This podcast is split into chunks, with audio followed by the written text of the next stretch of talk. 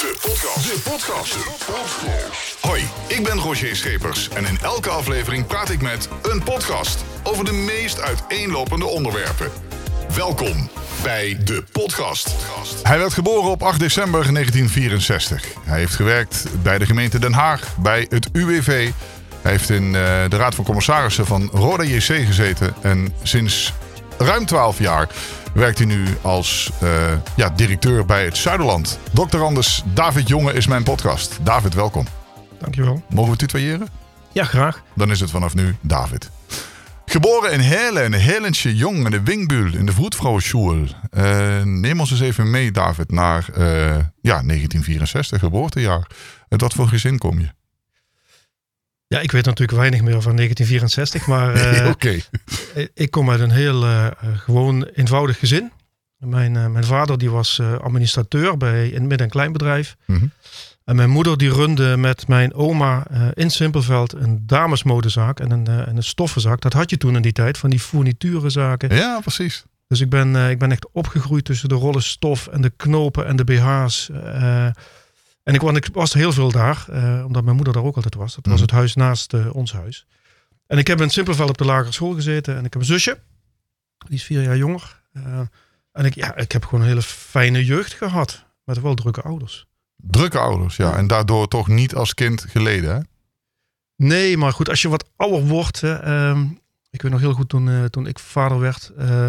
Dat ik dacht van ja, maar ik wil dat echt anders doen dan mijn vader dat gedaan heeft. Uh, dus meer tijd besteden aan mijn, aan, mijn, aan mijn kind. En dan ga ik dat wel kunnen. hoe ga ik dat doen? Ik was toen echt een beetje in paniek, maar dat komt misschien later nog. Maar ik, heb er, ik heb er verder niet heel, niet heel veel last van. maar het, ja, ik, heb, ik ben eigenlijk veel meer door mijn opa en mijn oma opgevoed dan door mijn moeder en mijn vader. Oké, okay. nou ja, goed. Dat, dat hoorde je ook wel vaker vroeger, hè? Ja, ja klopt. Ja, mooi. En uh, ja, uiteindelijk toch goed terechtgekomen, maar daar komen we dan, uh, daar komen we dan straks op. En dan ineens naar school. Had je al, al vrij vroeg in je hoofd zoiets van, nou, dit zou ik willen gaan doen, dit zou ik willen gaan worden? Ja, ik wilde vroeger altijd boswachter worden, of bioloog. Maar ik had een, niet zo'n hele goede CITO-toets. Dus het advies was HAVO en heel misschien Atheneum. Maar mijn vader die had hoge verwachtingen van mij. En die zei van weet je wat, je gaat gewoon naar Rolduc, naar het gymnasium in Kerkrade. Uh, en ja, wist ik veel. Ik denk, ik doe dat wel. Ja. En ik heb dat uiteindelijk ook afgemaakt. Maar dat was de eerste twee jaar wel twee keer achter elkaar kantje boord. Dus dat ik net overging. en daarna ging het gelukkig. Want was het pittig of weinig ja, was wel, was wel pittig. Ja, was voor ja. mij wel gewoon. Dat was wel pittig. Ja, was hard, was hard werken. Hm. Maar achteraf gezien, ja, jammer dat Rolduc niet meer bestaat. Maar dat was een hele goede school eigenlijk. Klein, goede leraren, pittig, moest hard werken. Discipline. Discipline, ja, ja. Dat vond ik af en toe wel lastig. Ik heb ook heel veel straf gehad. Ja. Ja, weet je, dan stonden we. En dan lag er een keer sneeuw en dan stonden we met twintig uh, jongens uh, sneeuwballen te gooien. En dat mocht natuurlijk niet richting de ramen van school. dus wat gooiden we allemaal richting de ramen van school. Ballen sneeuw. En, ja. ja. en daar werd ik eruit gepakt door, uh, de, door de conrector, door Paulus heette die meneer. Want ik was altijd de sjaak. En dan moest ik weer de hele herfstvakantie terugkomen om bladeren te vegen bijvoorbeeld. Hè? Dat ja. soort... taakstraf. Taakstraf, ja, ja. Zo streng was het wel. En mijn vader steunde altijd, en mijn moeder ook trouwens, onvoorwaardelijk de leraren. Dat is nu ook anders. Ja. Dus, als ik op mijn kop kreeg, dan, uh, dan was het niet zo dat mijn ouders tegen de leraren zeiden van ja, wat, wat ben je nou? Nee, David, niet goed gedaan. Volgende keer, let op. Dan zou ze toch wel nooit je maat aan. Ja, achteraf. Ik word, ik word geen mekkelig man. Hè. Dat klopt. Nee, dat klopt. ja, maar dat is inderdaad goed dat je dat aanstipt. Want het is nu inderdaad wel heel anders. Ik heb het idee dat leraren tegenwoordig meer discussiëren met ouders dan met de leerlingen zelf. Ja, ja, dat is de huidige tijd. En ik snap het, ik ben zelf ook ouder. En uh, ja, ook wel kritisch naar, uh, naar school toe. Hm. Ja. Dus ja. Ja, goed. Maar dat was de tijd, de tijd van toen. En Ja. toen, Rolduc, klaar, afgerond, toch positief? Ja, met uh, ja, gewoon uh, gemiddeld uh, een zesje, zes en een half of zo. En was ook goed genoeg. En ik wist eigenlijk niet wat ik ging doen. Dus ik ben... Ik ben een, een vriend zei van nee, ik ga naar de politieacademie in Hilversum. Dat was een hele zware toelatingsconstructie, zeg maar. Mm -hmm. Daar werd je dan opgeleid tot ja, zeg maar, leidinggevende bij de politie. Ik ben daar naartoe gegaan, dat waren vijf stappen. En die vriend van mij, die daar zijn hele leven al mee bezig was, die, die is tot, stap, tot en met stap 2 gekomen. Dus je moest, ja, je moest vijf toetsingsdingen doen, inhoudelijk, psychisch, fysiek, weet ik wat allemaal. En ik ben uiteindelijk in stap 4, dat was de psychologische test, ben ik uh, gesneuveld. Ai. Dus toen was dat perspectief weg, achteraf gezien ook maar goed. Toen ging een andere vriend die ging naar Enschede, naar de open dag voor bestuurskunde. Technische Universiteit Twente, daar, daar was toen bestuurskunde een relatief nieuwe studie. En ik ben meegegaan en ik dacht, weet je, ik ga dat gewoon doen. Eh, dus ik ben bestuurskunde gaan doen in Enschede. En meer dan dat zat er niet achter, ik wist het gewoon niet. En eh, ja, dat ging eigenlijk, dat was een hele mooie tijd, mijn studententijd. Ja. Als we jou, eh, ja, jou checken klinkt zo gek, maar Wikipedia, hè, de, je vroeg mezelf zo net, sta ik überhaupt op Wikipedia? Ja, Ja. Volgens mij niet eens zo officieel, maar ja, dan, dan horen we toch een hele hoop. Hè. Ik eh, riep het net aan het begin al eventjes, eh, UWV, maar ook eh, gemeente Den Haag. We horen je nu praten als gewone Limburgse jong, jong uit Heerlen, werkt nu ook gewoon lekker hier in Heerlen. De- toch die fascinatie voor de andere kant van Nederland dan. Ja, nou ja, ik, ik, ik, ik ben heel chauvinistisch op Limburg. Ik voel me ook echt Limburger. Mhm. Eh, maar ja, met mijn studie toen kwam ik in Den Haag eh, terecht. Ik ben begonnen op, eh, op het ministerie van Financiën. En daarna het ministerie van Sociale Zaken. Daar waren wel eh, de banen. En ik heb me daar heel erg prettig gevoeld. Zowel privé als zakelijk. Dus het was eh, prima wonen in Den Haag. Ik heb 22 jaar, bijna 23 jaar in Den Haag gewoond. Eh, en voor een groot deel ook gewerkt. Hè, want de ministeries liggen in Den Haag, de gemeente in Den Haag. Mhm. En eh, ja, dat was daar prima wonen. Eh, en ik was ook helemaal niet bezig met terugkomen naar Limburg eh, eh, of zo. Mijn vrouw komt uit, uit de Rotterdamse regio. Maar ja, daar komt zo'n baan voorbij. dat was toen nog het, het niet gefuseerde Heerlense ziekenhuis, het Atrium. Ja. Ja, en daar, en daar ga je eens praten. Ja, toen ging het heel snel. En ja, zijn we ook naar Limburg teruggekomen. Ja. Ja. En nu toch al, al 12 jaar directeur van Zuiderland. Ja. Voorzitter. En ja, alle, alle takken van sport binnen Zuiderland, die, die, die ken je wel dus dan. Ja. Daar, daar komen we dan eh, dadelijk nog uitgebreider eh, over, te praten. Ja, misschien gaan we een beetje van de hak op de tak. Maar ik, ik zit nog even met je, met je, met je studie. Hè? Toen, Ja. toen naar je, en, en, en hoe, hoe ben je dan eh, terechtgekomen bij, bij je eerste echte baan, zeg maar? Je eerste echte job? Ja, de, ja de, de studententijd was echt gaaf. Ik ben vijf jaar in Enschede op een flat gezeten met, Ja. met 15 eh, eh, mensen. Allemaal eigen kamer, maar een gezamenlijke keuken en, eh, en woonkamer. Nou, dat was echt Feest. fantastisch. Ja. Ja. En een aantal van die, eh, eh, van die mannen zie ik nog steeds. Toevallig echt ga ik morgen, morgen is het vrijdag, ga Ja. ik eh, met die mannen naar Enschede. Eh, we zijn met z'n zes, zevenen. Gaan we nog een weekendje eh, stappen, zeg maar. Dat doen we één keer per jaar. Super gaaf. Wordt goed. Uit die tijd. Ja. En de, anders dan Rolduc ging de studie bestuurskunde ging, ging me relatief makkelijk af. Dus ik heb heel veel gewerkt in de horeca, bij de Joma, bij de Vredesteinbanden. Eh, ik heb voor een enquêtebureau gewerkt, eh, met, met allemaal spullen langs de, langs de deuren gegaan. Eh, de eerste laptops, die wogen trouwens ongeveer 30 kilo.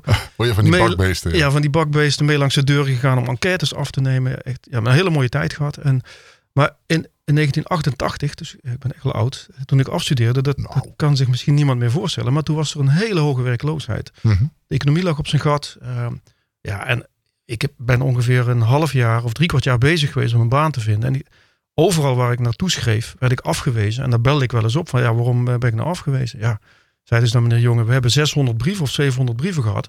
En dat was echt zo. Dus u snapt wel ja, dat u dan niet in de top eh, eh, drie eh, belandt. En ik heb een tijd in de bijstand gezeten in, in Enschede toen, dus vlak na mijn studie. Mhm. En ben uiteindelijk, na een hele lange procedure, ben ik bij het ministerie van Financiën terechtgekomen. En dat was achteraf een, eh, ja, een, ja, blessing in disguise of een, een, een fantastische startbaan om te beginnen. Ja, ja, Ja. kan ik me wel iets bij voorstellen. ja. Ook dat, als je dat weer vergelijkt naar de tijd nu, is heel anders. Hè? Nu eh, is het, eh, ja, mensen smeken om personeel. En heb je personeel, is ook nog de vraag wat voor personeel. Ja. Dus eh, die, die tijd is ook weer heel anders als je dat... eh, als je dat Ja, eh, dat is echt niet te vergelijken. Dat is echt gewoon niet te vergelijken. Ook toen bij, bij Financiën, waar ik dan uiteindelijk ertussen ben gekomen. Hm. Volgens mij hadden ze ook iets van 200 kandidaten of zo. En ze hadden er twee of drie nodig.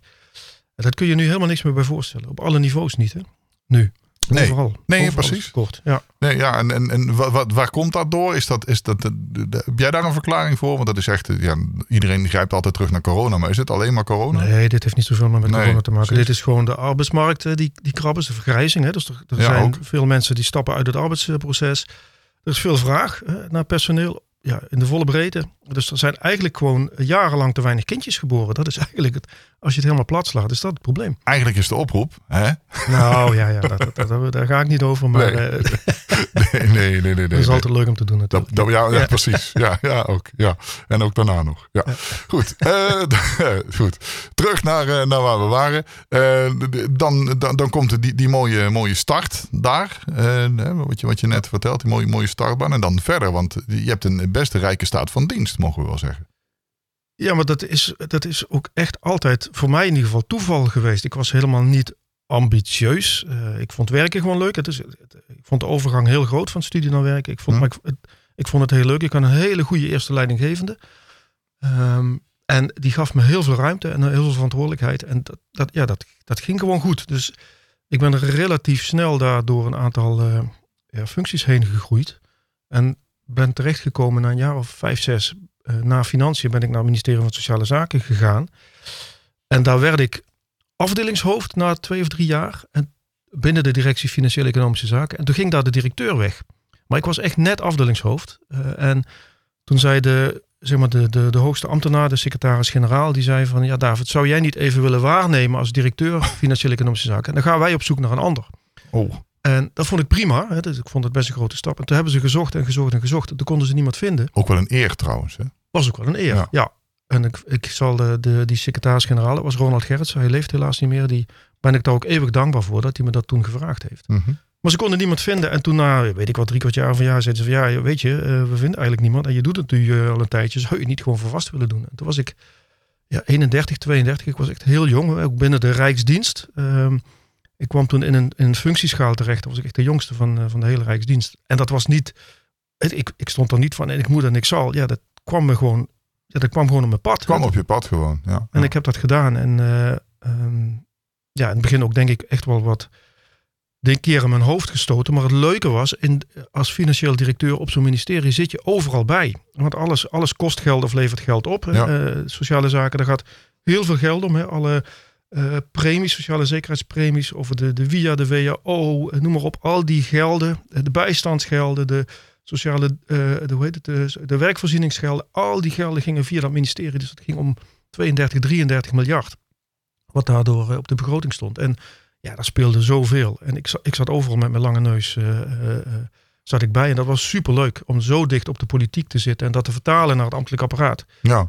Niet ja. ook een beetje eng als je dit soort bedragen noemt? Dat je denkt van, poef, ik uh, word daar dadelijk wel misschien op afgerekend? Of? Nee, het was wel spannend. Hè? Ook, er zijn hm. ook hele spannende dossiers geweest. Ik heb gewerkt onder uh, Ad Melkert als minister van Sociale Zaken. -hmm. En daarna kwam Klaas de Vries. En toen nog heel eventjes onder uh, Willem Vermeend.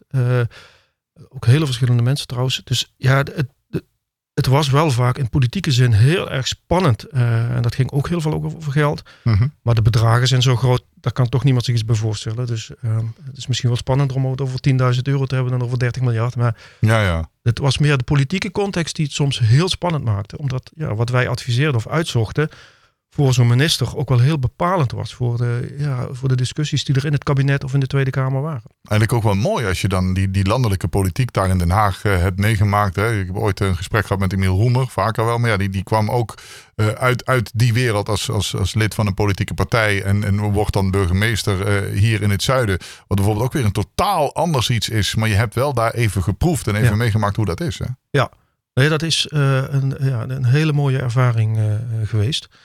En later bij het UWV, dus ik ben na sociale zaken, ben ik, uh, ben ik naar de gemeente Den Haag gegaan als gemeentesecretaris. En als gemeentesecretaris ben je, heb je eigenlijk twee rollen. Je bent eindverantwoordelijk voor het hele ambtelijke apparaat. Hè, dus de dienststedelijke ontwikkeling, de openbare bibliotheek. De brandweer zat er toen nog in, nu niet meer. Uh, de, het stadsbeheer, de sociale zaken, onderwijs. Dus daar werkte toen al iets van 8000 uh, mensen. Dus mm. je bent eindverantwoordelijk voor die organisatie. En met je andere been sta je ook in het, zit je ook in het college van BMW. Je bent niet politiek gekozen, maar je zit daar wel bij. Ja. Uh, en je mag ook op sommige dossiers uh, ja, mag je ook wat vinden en wat zeggen. Wim Deetman is, heb ik uh, ondergewerkt als burgemeester. Ja.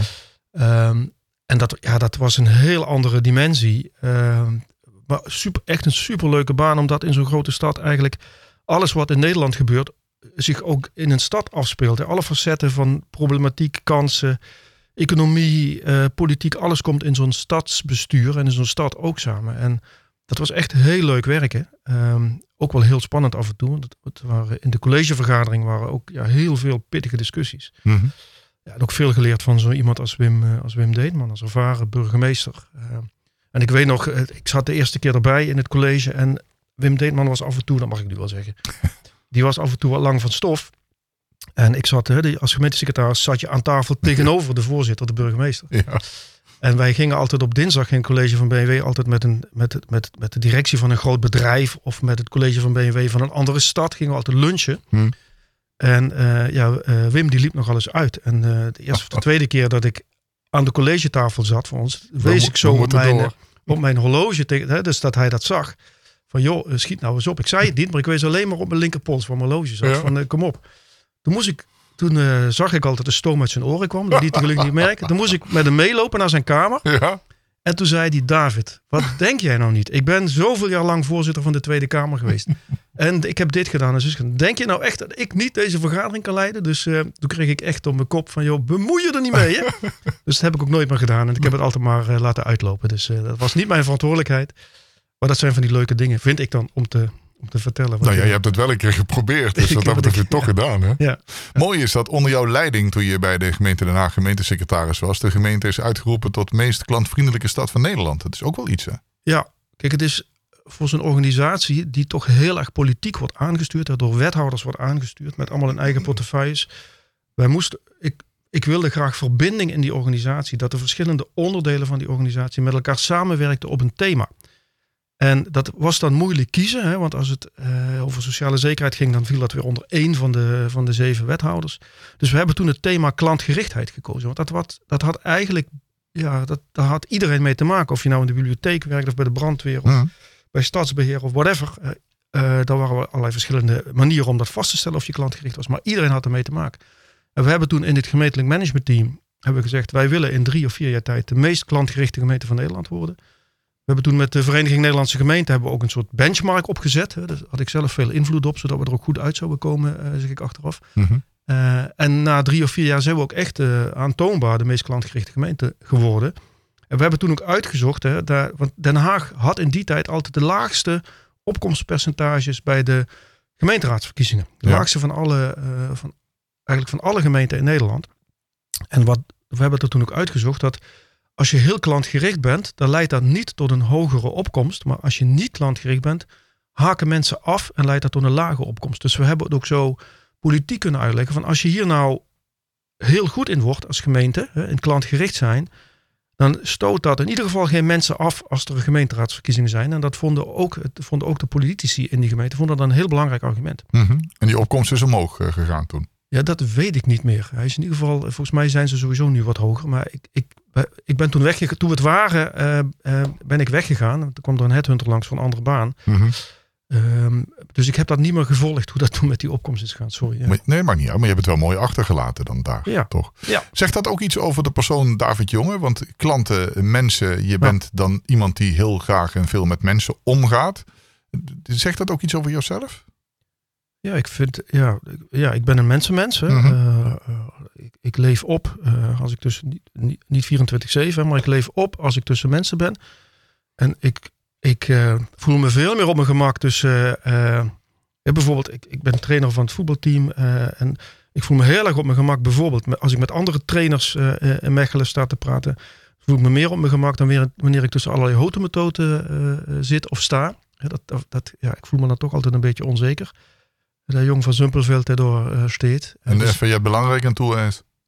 wat zegt ze? Staan en dit dan door even het belangrijkste te doen. Ja, ja dat, dat, het- ik vind mezelf niet zo belangrijk, in alle eerlijkheid. Eh, dus ik, maar ik voel me echt tussen mensen op me, eh, voel ik me heel erg op mijn gemak. En ik vind ook dat of je nou eh, bij een zorgbedrijf, een ziekenhuis, of bij een gemeente, of bij een departement, of bij het UWV, hè, waar, waar die, die altijd rond de miljoen klanten hebben. Mhm.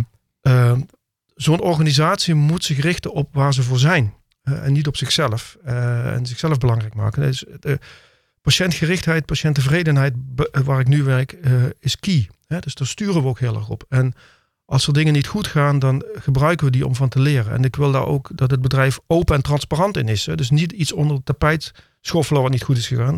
Dat, dat, kan gewoon namelijk gebeuren. We zijn mensen en blijven mensen. Hè? Precies. Ja. Ja. En leer ervan en zorg dat het niet nog een keer gebeurt. In plaats van dat je daar helemaal schichtig over gaat doen. Van ja, de, hoe, dat, het is niet erg. En of het nou medische calamiteit is, want die gebeuren ook. Hè, die gebeuren in alle uh, ziekenhuizen en zorgbedrijven. Of dat het uh, een, een, patiënt is die niet goed behandeld is. Of dat de informatievoorziening knudden is. Of dat iemand achter de balie uh, de bokkenpruik op heeft. Alles is relevant.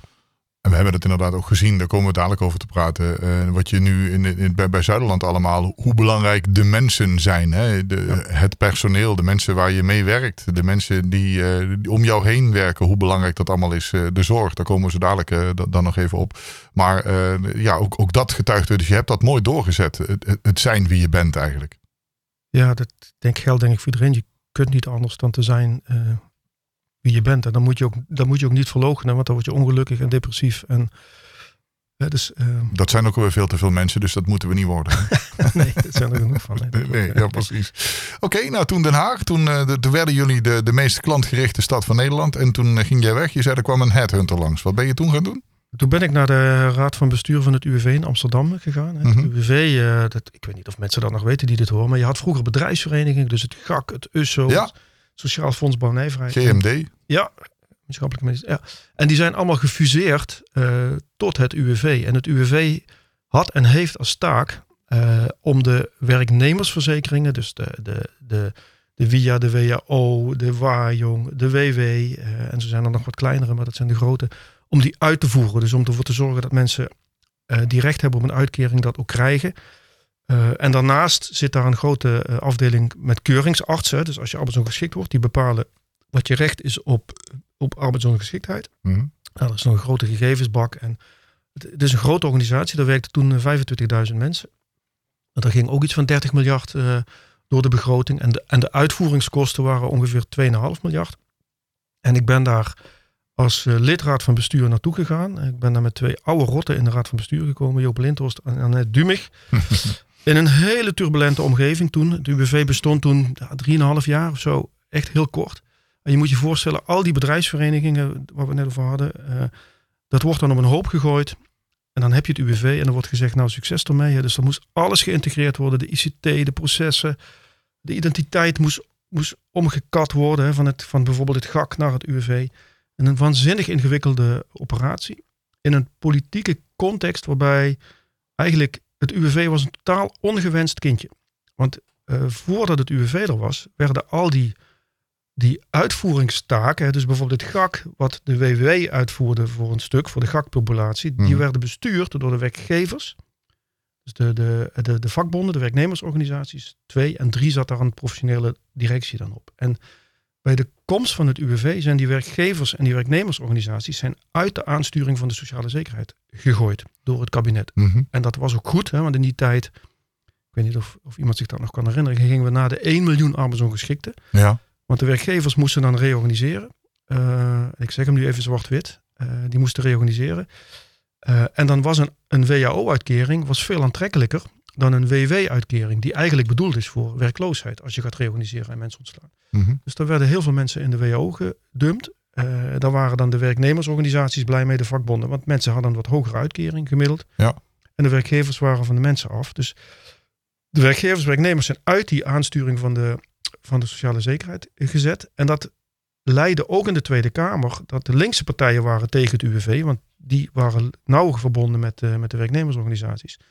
En de rechtse partijen waren ook tegen het UWV, want die waren nauw verbonden met de werkgeversorganisaties. Mm -hmm. En dan ging er ook nog het een en ander fout bij het UWV. En dan moest de minister van Sociale Zaken moest weer gaan uitleggen in de Tweede Kamer dat dingen niet goed waren gegaan. Het was, het was eigenlijk toen zo erg in die tijd, dan heb ik het over de uh, begin van deze eeuw, dus 2004, 2005, 2006. Ja. Het was eigenlijk bijna net zo erg als nu het gedoe met de Belastingdienst. Mm -hmm. We stonden wekelijks heel negatief in de pers. Uh, ook omdat er dingen echt niet goed gingen. Hè, door, die, door die fusie van al die bedrijfsverenigingen. Het was ook gewoon. Het was ook veel, hè? Het was veel. Ja.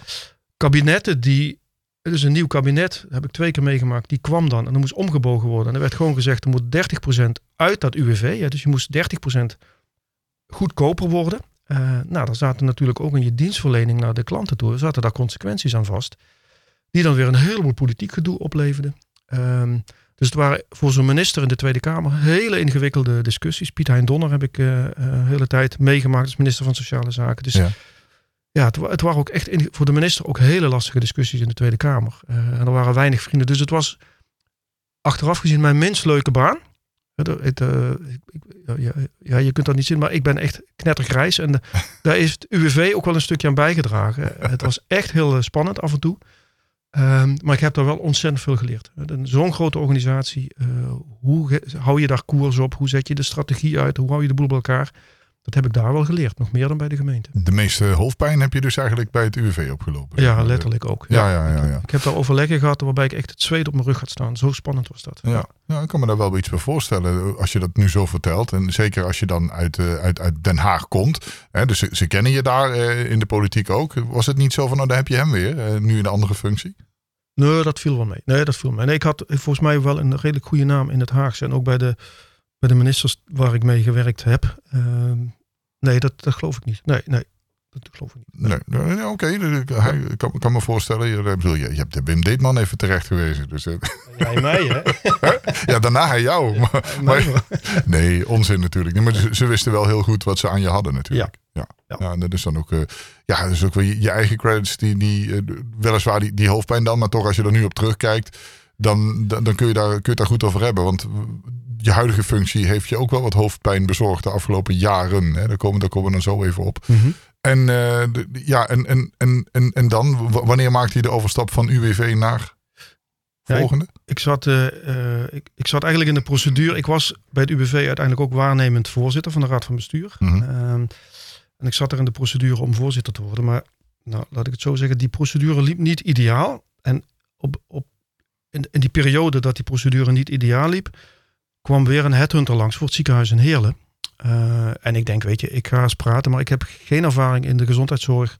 Dus dat gaat hem niet worden. Maar je woonde uh, nog daar, hè? Ik woonde in Den Haag, ja, ja. ja, ja. Ja, wat ik aan het begin ook zei, ik was helemaal niet bezig. Ja. We waren helemaal niet bezig met teruggaan naar Limburg. Maar dit kwam dan op mijn pad. Uh, en ik ben eens gaan praten soort kennismaking met wat leden van de Raad van Toezicht. Chef Pleumaker zat er toen bij. Ja, voormalig burgemeester van Heerlen. Ja. ja.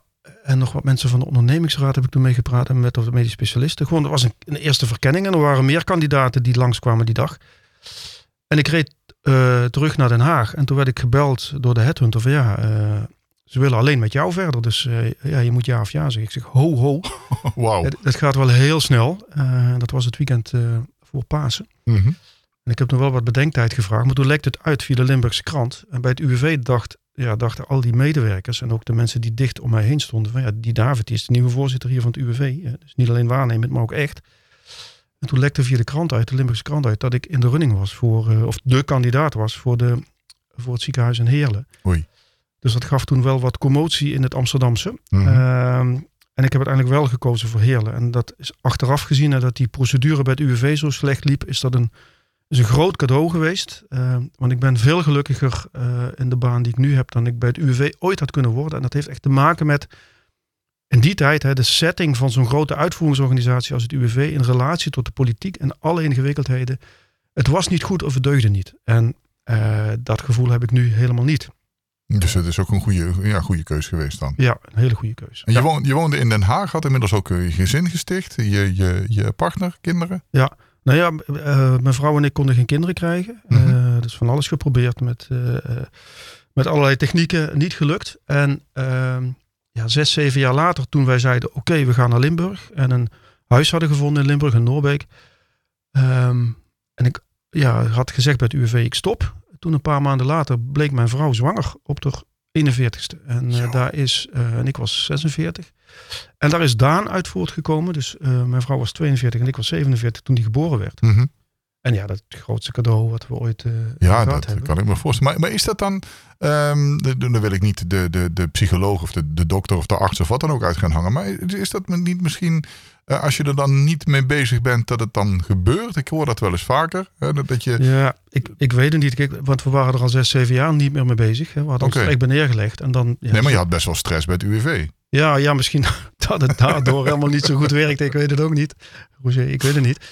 Maar ik zeg altijd, het was een Limburg zieltje die ergens in het, uh, in het universum zat. En die, toen die hoorde van... Uh, ze gaan naar Limburg, dan, uh, dan, dan, kom ik even, dan kom ik ter wereld, zeg maar, zoiets. Toch wel terug naar de heimat, wel joh. Terug naar heimat, ja. Mijn, Ja. zoon, mijn zoon praat trouwens geen Limburgs. Nee? Nee, ja, met een Rotterdamse moeder is dat lastig. Is lastig, ja. Hij verstaat het wel gelukkig, ja. ja. Pra- Praten jullie thuis wel, eh, wat, wat, spreekt je vrouw bijvoorbeeld wel dialect? Of Nee, probeert ze? Nee, maar dat, dat is voor iemand... Kijk, de, de, de tongvallen, hè, als wij ook daar, zoals net even Limburgs praten, de tongvallen en de intonatie, dat is voor iemand die er niet mee is opgegroeid, is niet te leren gewoon. Nee. Maar het is wel te verstaan. Behalve als ik echt heel erg kerkraadsdialect ga praten, dan wordt het ook voor haar lastig en mijn zoon. Maar meeste verstaan ze.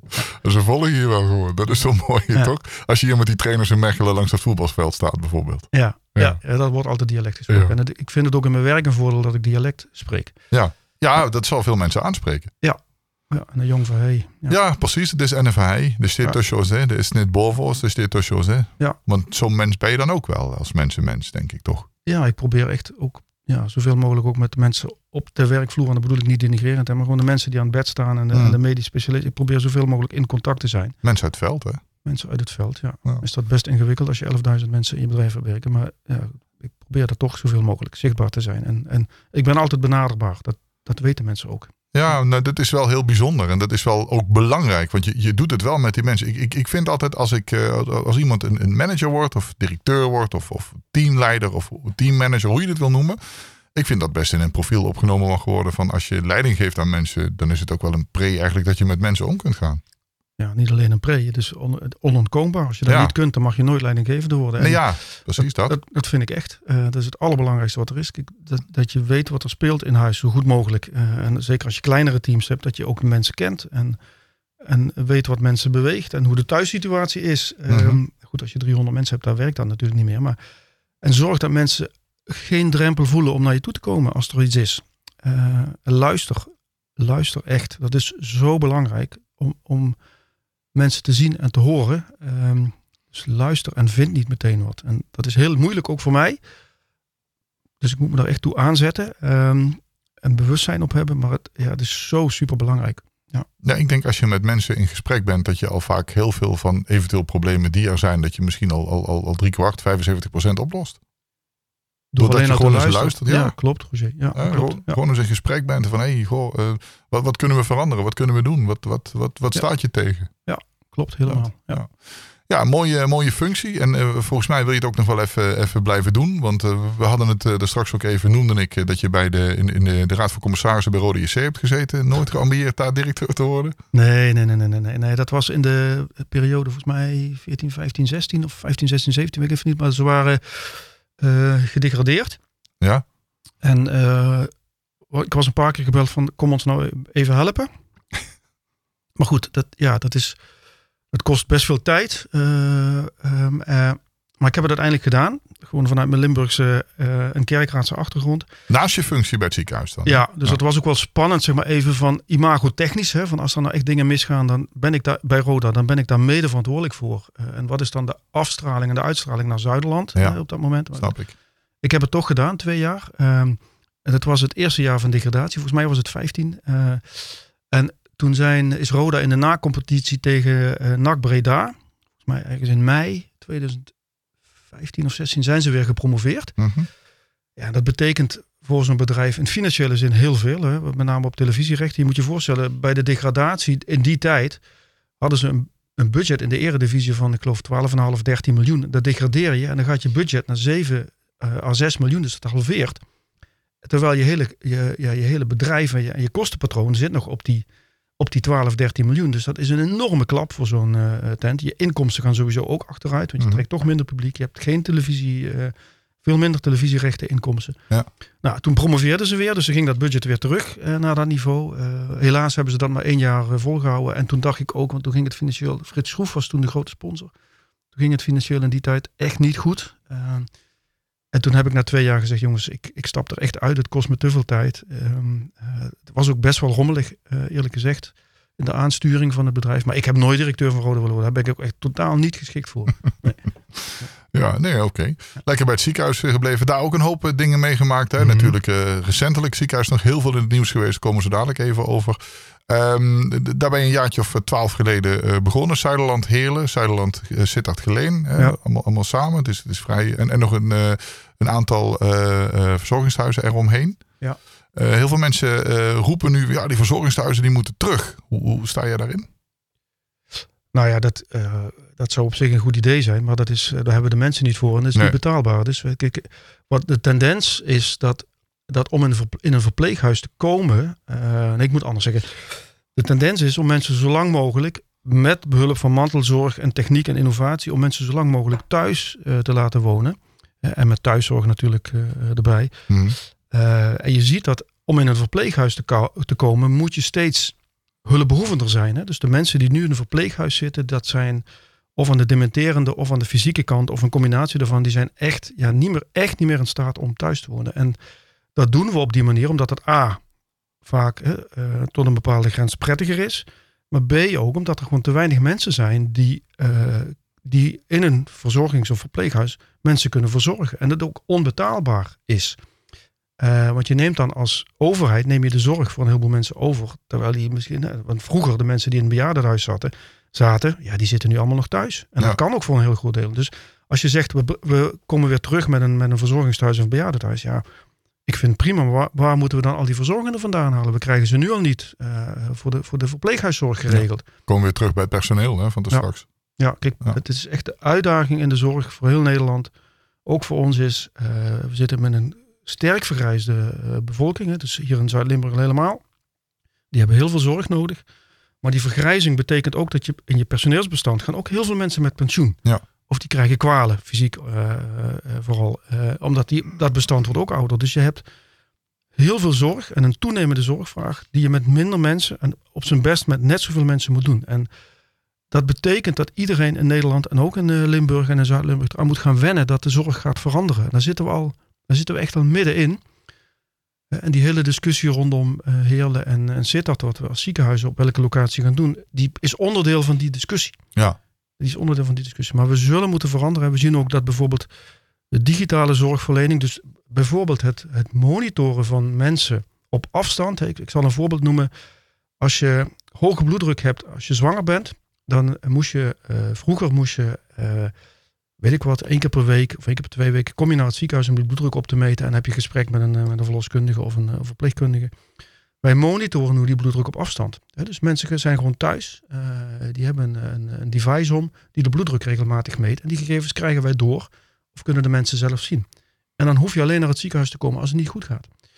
Als je, als je eh, heel dik bent, hè, dat, uh, obese bent, dan kun je, Obesitas. Ja. obesitas, dan kun je geopereerd worden om je maag te verkleinen. Mhm. Dat zijn best ingrijpende patiënten. Die patiënten lagen vroeger drie of vier dagen in het ziekenhuis minimaal. Die gaan nu, een deel daarvan, gaan nu dezelfde dag naar huis met een slimme pleister. En die slimme pleister meet allerlei waardes om te kijken of het met iemand goed gaat. Eh, maar dan, wel, dan ben je wel thuis. En op het moment dat het niet goed gaat, krijgen wij een signaal. En dan word je ja, opgeroepen of er komt iemand bij je langs om Mm. te kijken wat er aan de hand is. Ehm, maar dat zijn innovaties. ehm, en er zijn er veel meer. Ik kan 200 voorbeelden noemen. Waardoor de zorg heel erg verandert. Maar we moeten ons erop in gaan stellen de komende 10, 20 jaar. Dat we minder personeel hebben. Een toenemende zorgvraag. En dat dingen gaan veranderen. Dus toch meer kindjes. Ja, dat wordt eigenlijk nog de rode draad van, dit, eh, van deze, Van dit gesprek. Ja, van mooi, deze hè? podcast. Ja. Nee, maar oh, oké, prima. Nou, la- laten we dan even, dan, dan hebben we dat mooi in het verlengde eh, benaderd. Hè, waar we het net al even over hadden. Natuurlijk eh, alle actuele zaken die in het ziekenhuis spelen. Leo Bouwmeester, we noemen zijn naam even, die is daar de- heel druk mee Ja. op dit moment. Wat, wat, wat is nu de actuele stand van zaken? Ja, dus we, de, eh, de leer Bouwmeester, even als boegbeeld, eh, die is bezig met gesprekken met, eh, met alle gemeenten. Met eh, bijvoorbeeld hele, alle gemeenten in de Mijnstreek. Hè, dus niet alleen de Parkstad, maar ook uh, Sittard Geleen en Mhm. omgeving. ehm, met cliëntenorganisaties, met oudere organisaties, met hele Noord. Ze heeft volgens mij al iets van, van meer dan 100 stakeholdergesprekken gevoerd, zoals dat heet. En in de tweede plaats zijn er, en volgens mij is volgende week dinsdag de tweede, zijn er inwonerbijeenkomsten. De eerste is geweest.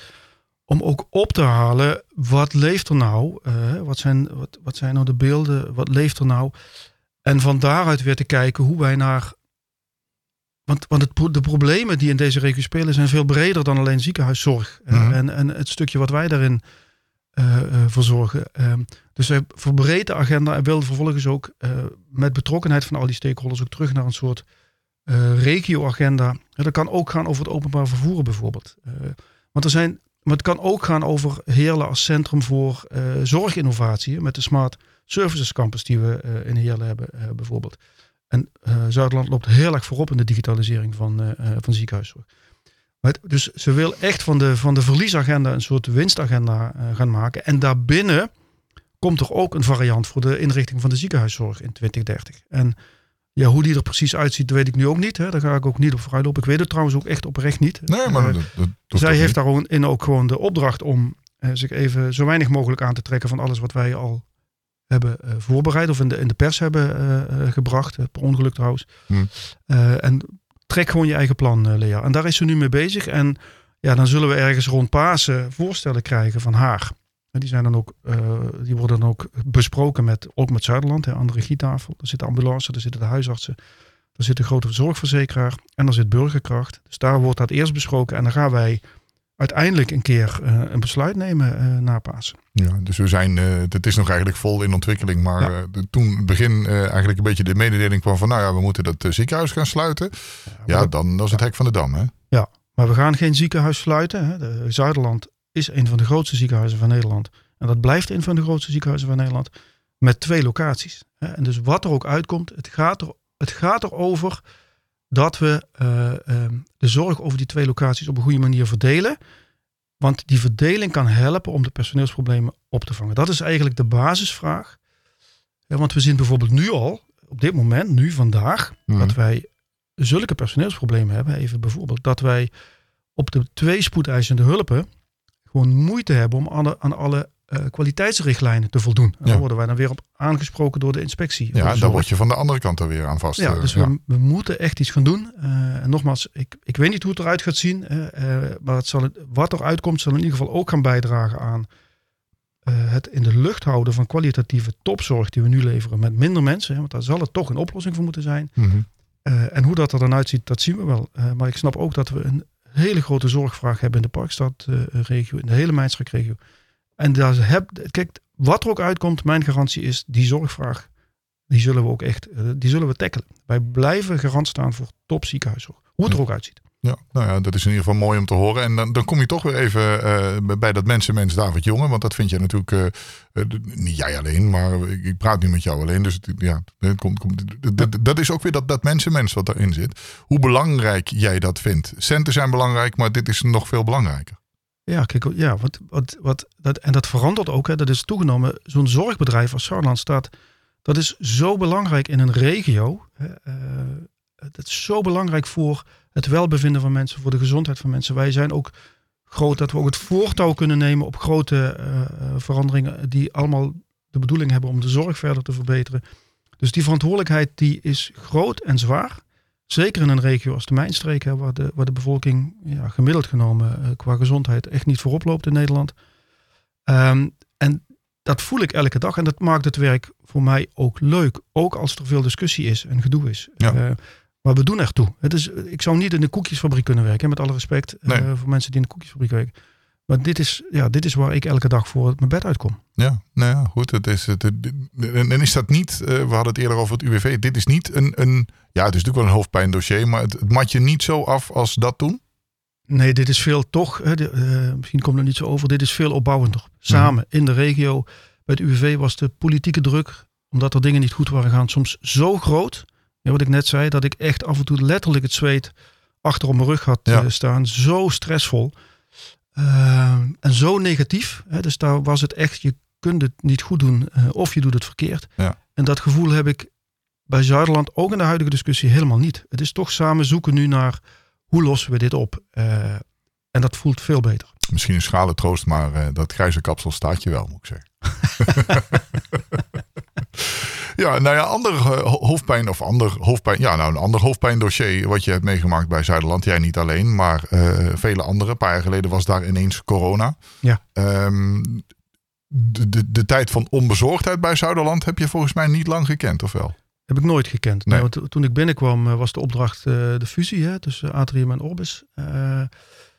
Mijn voorganger zei dat is binnen een halfjaartje geregeld. Nou, dat heeft nog dik drie jaar geduurd. Hmm. Ja, nou, ja, dat was echt pittig. Uh, het beste wat we ooit gedaan hebben. Want doordat we groot zijn als Zuiderland, staan we ook echt als een huis. Qua kwaliteit van zorg, qua patiënttevredenheid, qua medewerkerstevredenheid, qua financiën hebben we staan als een huis. Uh, dat was zonder die fusie nooit gelukt.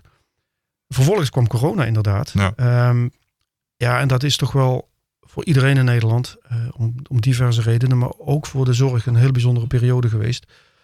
Wat, het klinkt misschien heel raar, want het heeft heel veel ellende uh, voor een heleboel patiënten uh, en inwoners heeft heel veel ellende betekend. Maar voor een bedrijf als Zuiderland was het ook ja, fantastisch om zo betekenisvol te kunnen zijn. En ook te zien, ik heb gezien, ik heb medewerkers zien gaan, dokters zien gaan, ja, bijna met gevaar voor eigen leven, om maar te zorgen voor de inwoners en de patiënten die binnenkwamen. Of de mensen in het verpleeghuis, hè, daar, waar we ook veldslagen qua overlijdens hebben meegemaakt. Ja. Uh, maar als je nou hebt over waarom ben je op deze wereld in zo'n in zo'n periode, iedereen die in de zorg werkt, ook ik, ook ik hè, dat was elke dag tot diep in de vezels voelen, wij moeten het nu goed doen. Uh, want dat maakt een wereld van verschil. Uh, en het was ook af en toe ontzettend spannend van gaan we het redden. we hebben echt een paar golven gehad, niet alleen de eerste, ook daarna, waarbij we in Zuid-Limburg met name ontzettend zwaar getroffen zijn met heel veel patiënten. Hm. Dus, en we hebben het elke keer weer gered. Er is niet veel misgegaan bij ons. Hè. Ja, mensen die we konden redden, hebben gered. We hebben er ook, zijn er ook heel innovatief in geweest. We hadden het er net in het voorgesprek even over, ja. Roger, met de behandelmethode en de medicatie die we daarvoor gebruikten. Ja. Nou, ik wil er wel even op ingaan als je het, als je het goed vindt. Het, het, gaat om jou. Hè. Ik, ik, praat met jou. Ik heb met jou dit gesprek. Maar nou je hier toch bent, wil ik, uh, wil ik het ook wel even, even neerleggen. Zelf uh, heftig corona gehad. Ik heb 13 dagen bij je mogen logeren. Daar wist jij niks van, maar nee. dat is wel gebeurd. Helaas, en dat was een hele, hele, hele heftige tijd. Maar ik wil wel op deze plek even mijn complimenten overbrengen aan jou. En geef het alsjeblieft door aan, ja, wie eigenlijk? Ik heb geen namenlijstje voor je. Nee. Maar aan het personeel hoe, en het was de tweede golf. Het, tweede, het was in 21, maart 21. Um, ja, hoe keihard er gewerkt is, maar ook hoe het personeel omgaat met je als ik, ik heb aan ja, ben patiënt geweest toen. Uh, op de manier hoe dat, uh, ja, hoe, dat, hoe, dat, hoe dat ging, hoe men er voor je is, er voor je was, uitleggen. Hele hoop studenten die daar op dat moment ook werkzaam waren, waarvan je dan zou kunnen denken: ja, uh, wat weten die er nou van? Nou ja, die zitten er fris in, fris in de materie, die maken het mee, die worden opgeleid.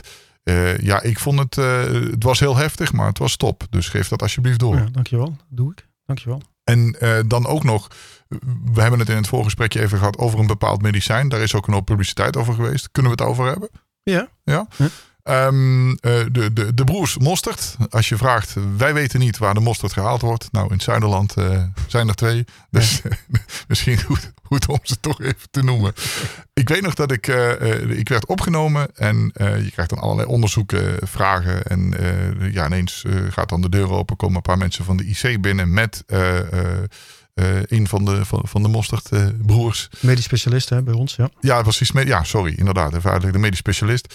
En uh, mijn vrouw die schrok zich een hoedje. Want oei, er komen mensen van de IC binnen. En nu dan? Wat gaat dit allemaal worden? En de boodschap was eigenlijk van nou, we willen even zien hoe meneer er aan toe is. En dan weten we in ieder geval straks, als er gehandeld moet worden, wat we moeten doen.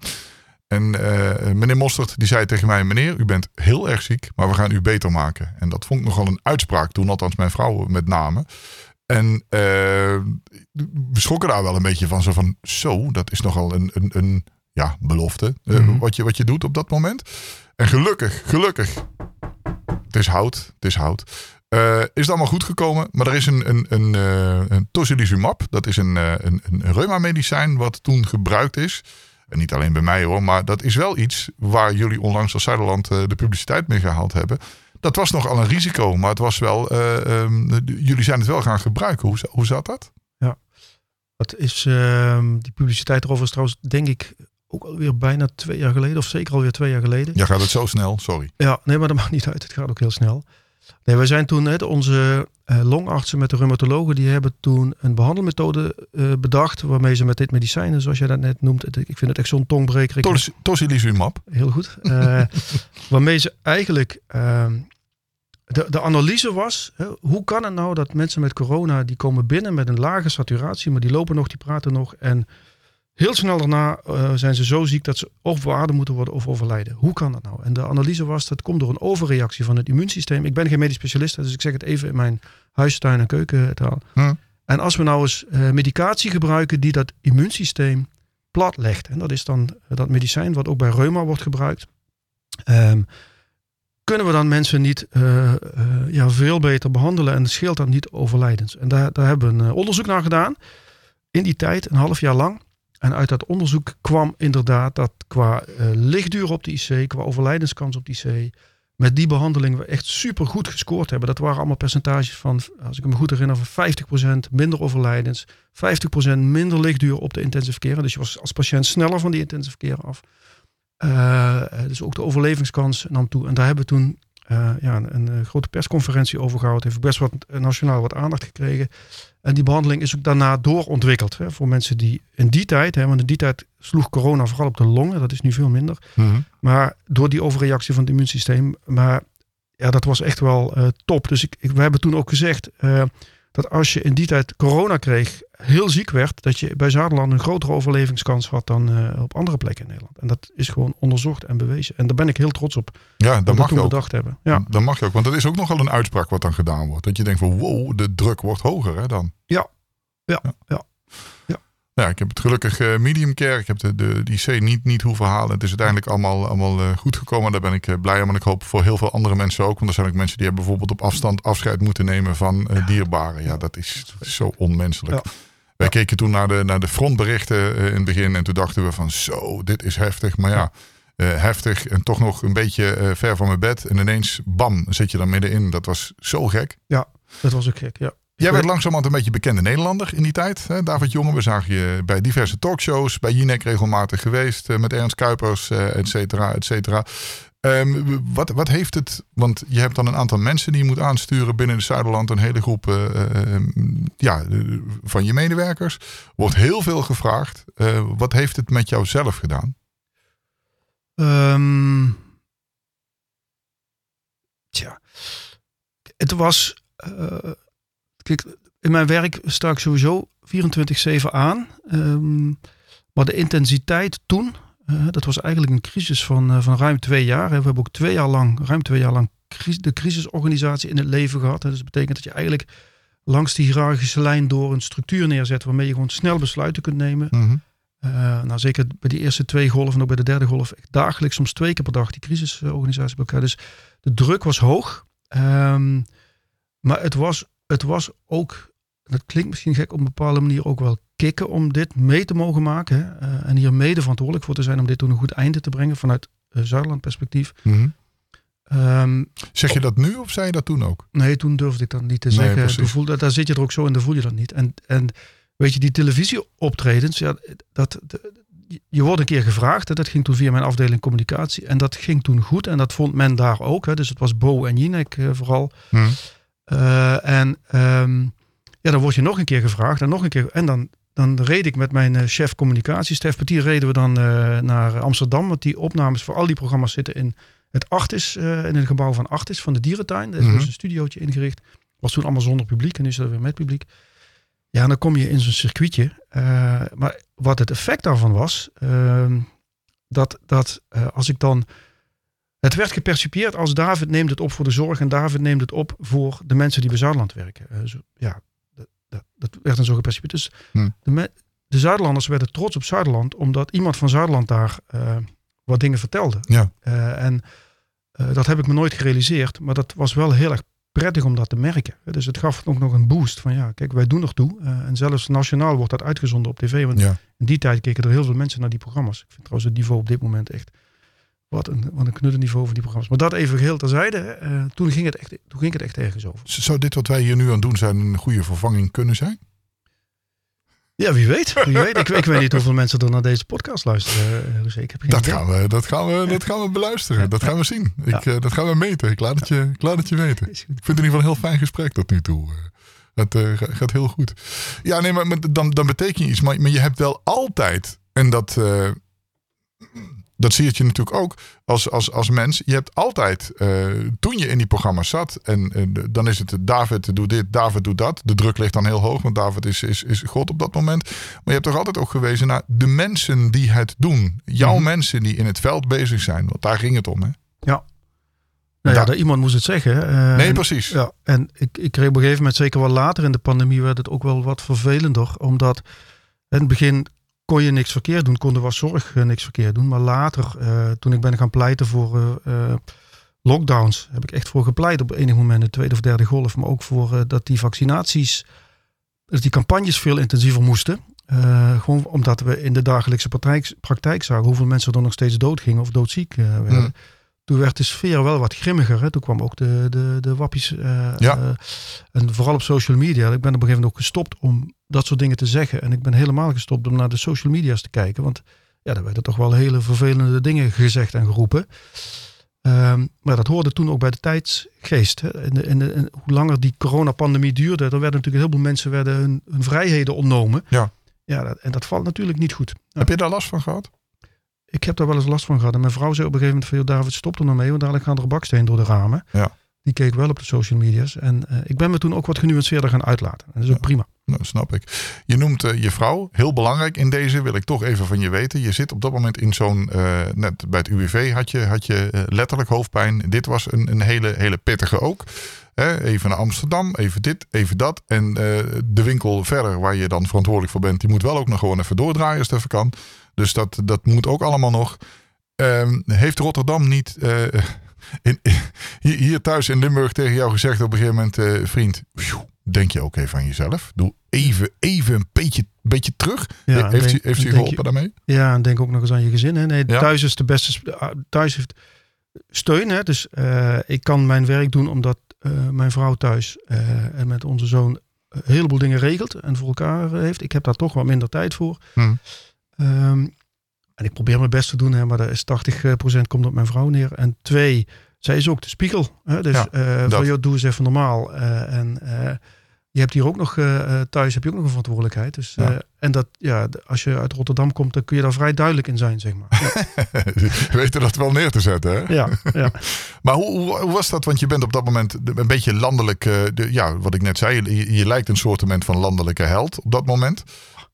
Ja, zo wordt het dan omschreven in alle talkshows. Oh, David jongen, wat je net ook zei, hè, van, er, wordt dan, er ligt dan toch een bepaalde druk op je. Hoe, hoe gaat men daar thuis mee om dat je dan toch een, een klein beetje landelijk bezit bent op die tijd, op, op dat moment? Ja, mijn vrouw is daar heel nuchter in. Die vindt dat helemaal uh, allemaal uh, niet zo belangrijk. En die, ik ben gewoon David voor haar. En, en ik voel het zelf ook niet zo. Hè. Dus ik, ik word vooral in Limburg, ook nu, hè, als ik door het ziekenhuis loop, vooral oudere mensen die herkennen me. Maar voor de rest, ik voel me helemaal geen landelijke. Uh, ben ik ook echt niet. Uh, ik ben daar helemaal niet mee bezig. Dus nee. dat speelt niet. Ook toen niet mee bezig nee. geweest. Nee, nee, nee, nee, Het was wel heel leuk. Op een gegeven moment wel heel leuk om te doen. Hè. Ik, ik ben nog ben een keer bij Buitenhof geweest. Dat is toch een heel serieus spannend programma. En dat ja. was dat was ook een energisch interview. Uh, waar ik ook emotioneel werd op een gegeven moment. Dat was de derde golf of zoiets. Ik weet niet Hm. meer. Maar dat zijn dan toch wel hele spannende interviews. Ben ik ook heel zenuwachtig. Maar, maar het, ja, het, het hoorde er gewoon bij. En dan reed je het s'nachts weer terug uit Amsterdam uh, van Bo. En dan stonden we weer, stond ik met Stef, mijn, uh, mijn chef communicatie, stonden we ik had, in mijn Tesla. Die moest je dan weer ergens opladen op een, ja. een onooglijke plek om twee uur s'nachts. Want die programma's duren tot twaalf uur. en dan, dan praat je nog even na. En ja. dan was die Tesla weer eens leeg. En dan kwam je om half drie, drie uur thuis. Maar je wil naar hem. Ja. Dan moeten we naar hem. En dan om, uh, om zes uur ging de wekker weer. Ja, dat, dat herinner ik me nog. Maar voor de rest ja, het was ook wel leuk om te, op een gegeven moment was het leuk om te doen. Niet elke uitzending trouwens, maar de meeste waren ook wel leuk. En je komt mensen tegen als, uh, als Frans Bauer, Donny, uh, weet ja. ik wat, die je normaal nooit tegenkomt. En bij zo'n programma, dat is, dan zit je dus van tevoren in een soort woonkamer. Mm -hmm. en dan kun je wat te eten krijgen, wat te drinken krijgen. En dan komt dan iedereen bij elkaar. En dan wordt gewoon gekletst. Ja, dat, ja dat is leuk. Dat zijn gewoon echt een hele leuke. Donny, die toen een hit had met, uh, ik meen met, met Frans... Ja, met, met Vroger. Met Vroger, ja, ja, die waren. Toen, ja, en die, daar zit je dan gewoon mee te kletsen. Dat, ja, dat is echt superleuk. Ja, maar zijn nog gewoon mensen. Daar. Ja, maar dan maak ik nooit meer mee. Nee. Freek, uh, met een, die had een of ander raar dier bij zich, wat op een gegeven moment echt zo shh, zei, waarbij de hele zaal, of de, de, de, hele tafel zich het hoedje schrok. Ja, dat is gewoon, dat zal ik allemaal nooit vergeten. Ook hele leuke dingen om mee te maken. Ja. Ze waren wel trots op je thuis, toch? Dat denk ik wel. Ja, ja, ja. ja, ja, Want ja, ja je, je bent uh, op dat moment ben je, ben jij ook een soort boegbeeld. Want je, je bent. Uh, de, je spreekt namens heel veel mensen. En ik denk uh, in het ziekenhuis, personeel. Ja, dat klinkt ook weer misschien een beetje denigrerend personeel. Maar je medewerkers, de mensen om je heen. Die zijn denk ik ook trots op je. Maar je hebt ook die mensen om je heen nodig om, uh, en, en, dan zijn het de mensen in het veld, hè, want de druk was toen heel erg hoog. Ja. Uh, maar je, je, moet ook nog, uh, die winkel, wat ik zei, die moet, moet draaien. Dus die mensen om je heen, jouw team om jou heen, is op dat moment ook van wereldbelang, lijkt me. Ja, en ik heb een heel goed team om me heen. Hè. Ook in, in, die tijd, ook met twee collega's in de raad van bestuur en de, de, de, de medisch specialisten die je mee aansturen. Ik, want ik was er inderdaad veel niet. Uh, hmm. ja, dat, en die hebben daar ook een hele grote rol in gespeeld. Hè. Dus dat, dit doe ik echt totaal niet alleen. Eigenlijk doen we het met 11.000 mensen. Uh, en ook in die crisis, dan, ja, dan zie je ook echt de goede mensen opstaan, hè, van, van laag tot hoog. Uh, die pakken de verantwoordelijkheid en die gaan mee sturen en mee de besluiten nemen. En dat, ja, dat is wat ik al zei, dat is ook kicken om te zien. Ja, men is er voor elkaar dan. Hè? Ja, heel erg. Ja. Gelukkig lopen de, de corona uh, mensen in het ziekenhuis uh, terug. Dat, dat neemt af. En, en tegenwoordig, uh, ja, als je, als je mensen hoort van ik ben ziek, wat heb je dan? Griep of corona? Die weten het niet eens meer, denk nee. ik. En ik, en ik hoor toch ook nog heel veel mensen die zich wel laten testen. En die ook nu, hè, neem nu weer af, ook de ziekenhuisbezetting in Nederland met coronapatiënten. Maar die toch echt heel erg ziek zijn. Hè. En uh, ik heb ook, met name ook, hè? Ja, dus um, dat je dan ook inderdaad... Sorry, daar, daar gaat je telefoon. Ja, ik zet hem even uit. Moeten we, oh.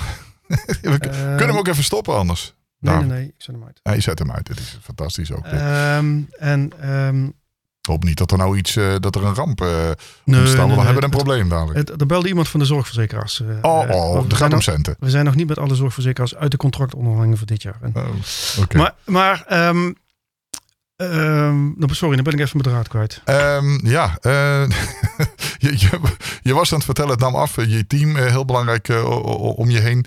Um, ja, nou, nou. Ben je ook de draad ja, kwijt? nou ben ik hem ook bedankt. hè? nou, de, de, in ieder geval loopt, loopt dat terug. Mensen die. die ja, oh, nee, dat, ja. dat zei je. Mensen, ja, mensen die, toch nog heel ziek worden. Ja, dat, hè, dus, daar waren en bedenk ook, hè, dat dat uh, bij een griep, als die voorbij is, ben je klaar meestal. Maar ook nu zijn er nog, want dat zei José, er zijn nog echt mensen die uh, ja, gewoon 10, 11, 12 dagen uh, gewoon in bed moeten liggen met hoge koorts, helemaal kapot. en die daar nog heel lang last van houden. Dus let even op, want we zien nog steeds dat corona tot ja, daarna toch nog tot schade leidt, kan leiden, niet bij mm. iedereen, met, met, met rare dingen aan het hart, vergeetachtigheid, allemaal dat soort zaken. Het is, het is wat pittiger dan een, bij sommige mensen wat pittiger dan een griep. Dus ik heb me ook nog op de allerlaatste dag toch nog een keer opnieuw laten vaccineren. Ja, snap ik. Baat het niet en schaadt het niet. Uh, en het baat, weet ik zeker. Maar uh, als je het hebt, hè, hou je ook een beetje gedijst en rust goed uit. Want het is, het is echt pittig nog steeds. En dat is het advies wat we krijgen van de directeur van Zuiderland. Hoe mooi is dat? Hoe, hoe, hoe uh, diep zit je? En dat bedoel ik eigenlijk algemeen niet, niet over corona alleen. Maar je, je geeft leiding. Dus je hoeft niet helemaal uh, tot in detail van elke medewerker te weten wat hij doet. En wat, wat het allemaal teweeg brengt. Maar je, je moet natuurlijk wel een bepaalde, uh, bepaalde zaken moet je wel weten. Hoe, hoe ver zit jij in, in bepaalde zaken dat, je, dat je weet wat er om je heen gebeurt? Ja, ik probeer één keer per week op een afdeling te zijn. En ik, ik zit nu ook zo lang bij Zuiderland dat ik wel een beeld heb van. Hè, dus ik, ik heb wel een beeld van de oncologie. Ik heb wel een beeld van de chirurgie uh, en alles wat daarbij hoort. Van de polyklinieken. Uh, ik ben heel goed in gezichten. Dus ik, ik ken inmiddels ook heel veel mensen. Oh, dat is wel uh, mooi. Niet bij naam, maar wel qua gezicht. En dan kan ik ze ook nog meestal wel plaatsen. En kijk, het nadeel van mijn functie is dat je eigenlijk als dingen goed gaan, hoor je niks. En als er shit is, dan krijg je het op je bordje. Dus ik weet ook overal in huis, en dat geldt ook voor de, voor de uh, zorgcentra en de thuiszorg. Ik weet wel daar waar dingen niet lopen zoals ze moeten lopen. Dus ik was ook, we hebben heel recent de medewerkers tevredenheidsonderzoek gedaan. En, en, dan, en dat was veel positiever dan dat ik gedacht had. Mooi. En ik, ik dacht van ja, hoe kan we dat nou zo positief verrassen? En dat komt waarschijnlijk toch omdat op, op ons bordje als bestuursraad, raad van bestuur, dat je daar altijd de, de problemen krijgt. Hè? En uh, dat, je, dat dat ook je beeld beïnvloedt van zo'n organisatie. Dus ik, hmm. ja, ik was er zelf wel heel erg aangenaam door verrast. Ja, ja nou mooi om te horen.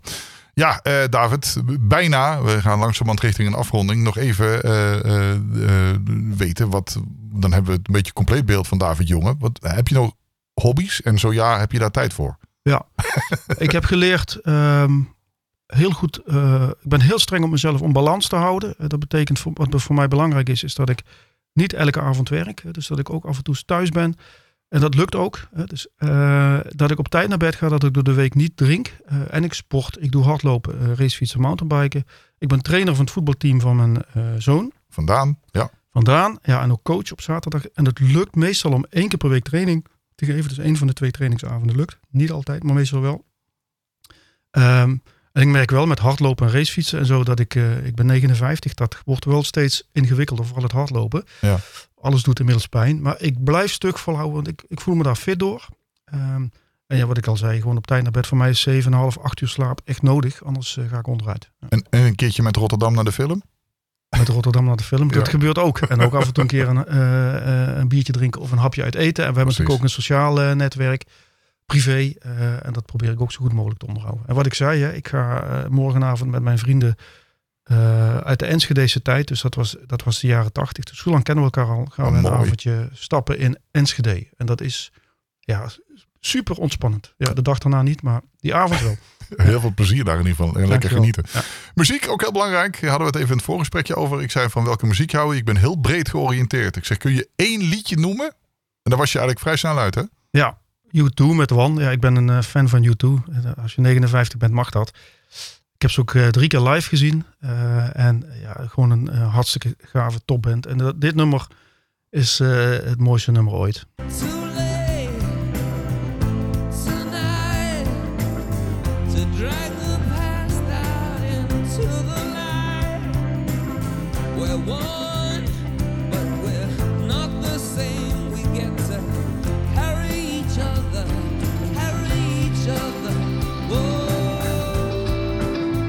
Achtung Baby, begin jaren 90, U2, het album waar One op staat. Favoriete liedje alle tijden van, uh, van David Jonge. Ga je niet naar de sfeer toe dan naar Las Vegas nu? Nee, dat vind ik dat, eh, dat, dat, dat, dat is te ver, te duur, te, Precies. Te exorbitant. Nee, dat gaat niet gebeuren. We houden het op de middelste, hè? te duur is het. Ja. ja.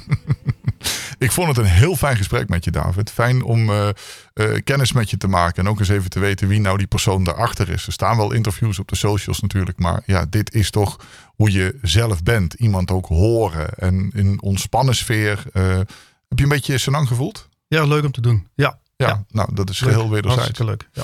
Fijn dat je er was. Doe de groeten aan Daan en uh, aan Rotterdam, aan je meisje. ik weet niet hoe ze heet, dus ik noemde maar Rotterdam. Ja, Marlies. Marlies. Ja. Goed aan Daan en Marlies. Heel fijn dat je er was. En uh, uh, ja, blijf mooie dingen doen in, in Zuiderland. Dankjewel. Veel succes. De podcast. De podcast. De podcast. Dit was de podcast. Vergeet je niet te abonneren? Dan blijf je op de hoogte wanneer de volgende aflevering beschikbaar is. Deze podcast vind je op je favoriete podcastplatform. Dankjewel voor het luisteren en tot de volgende.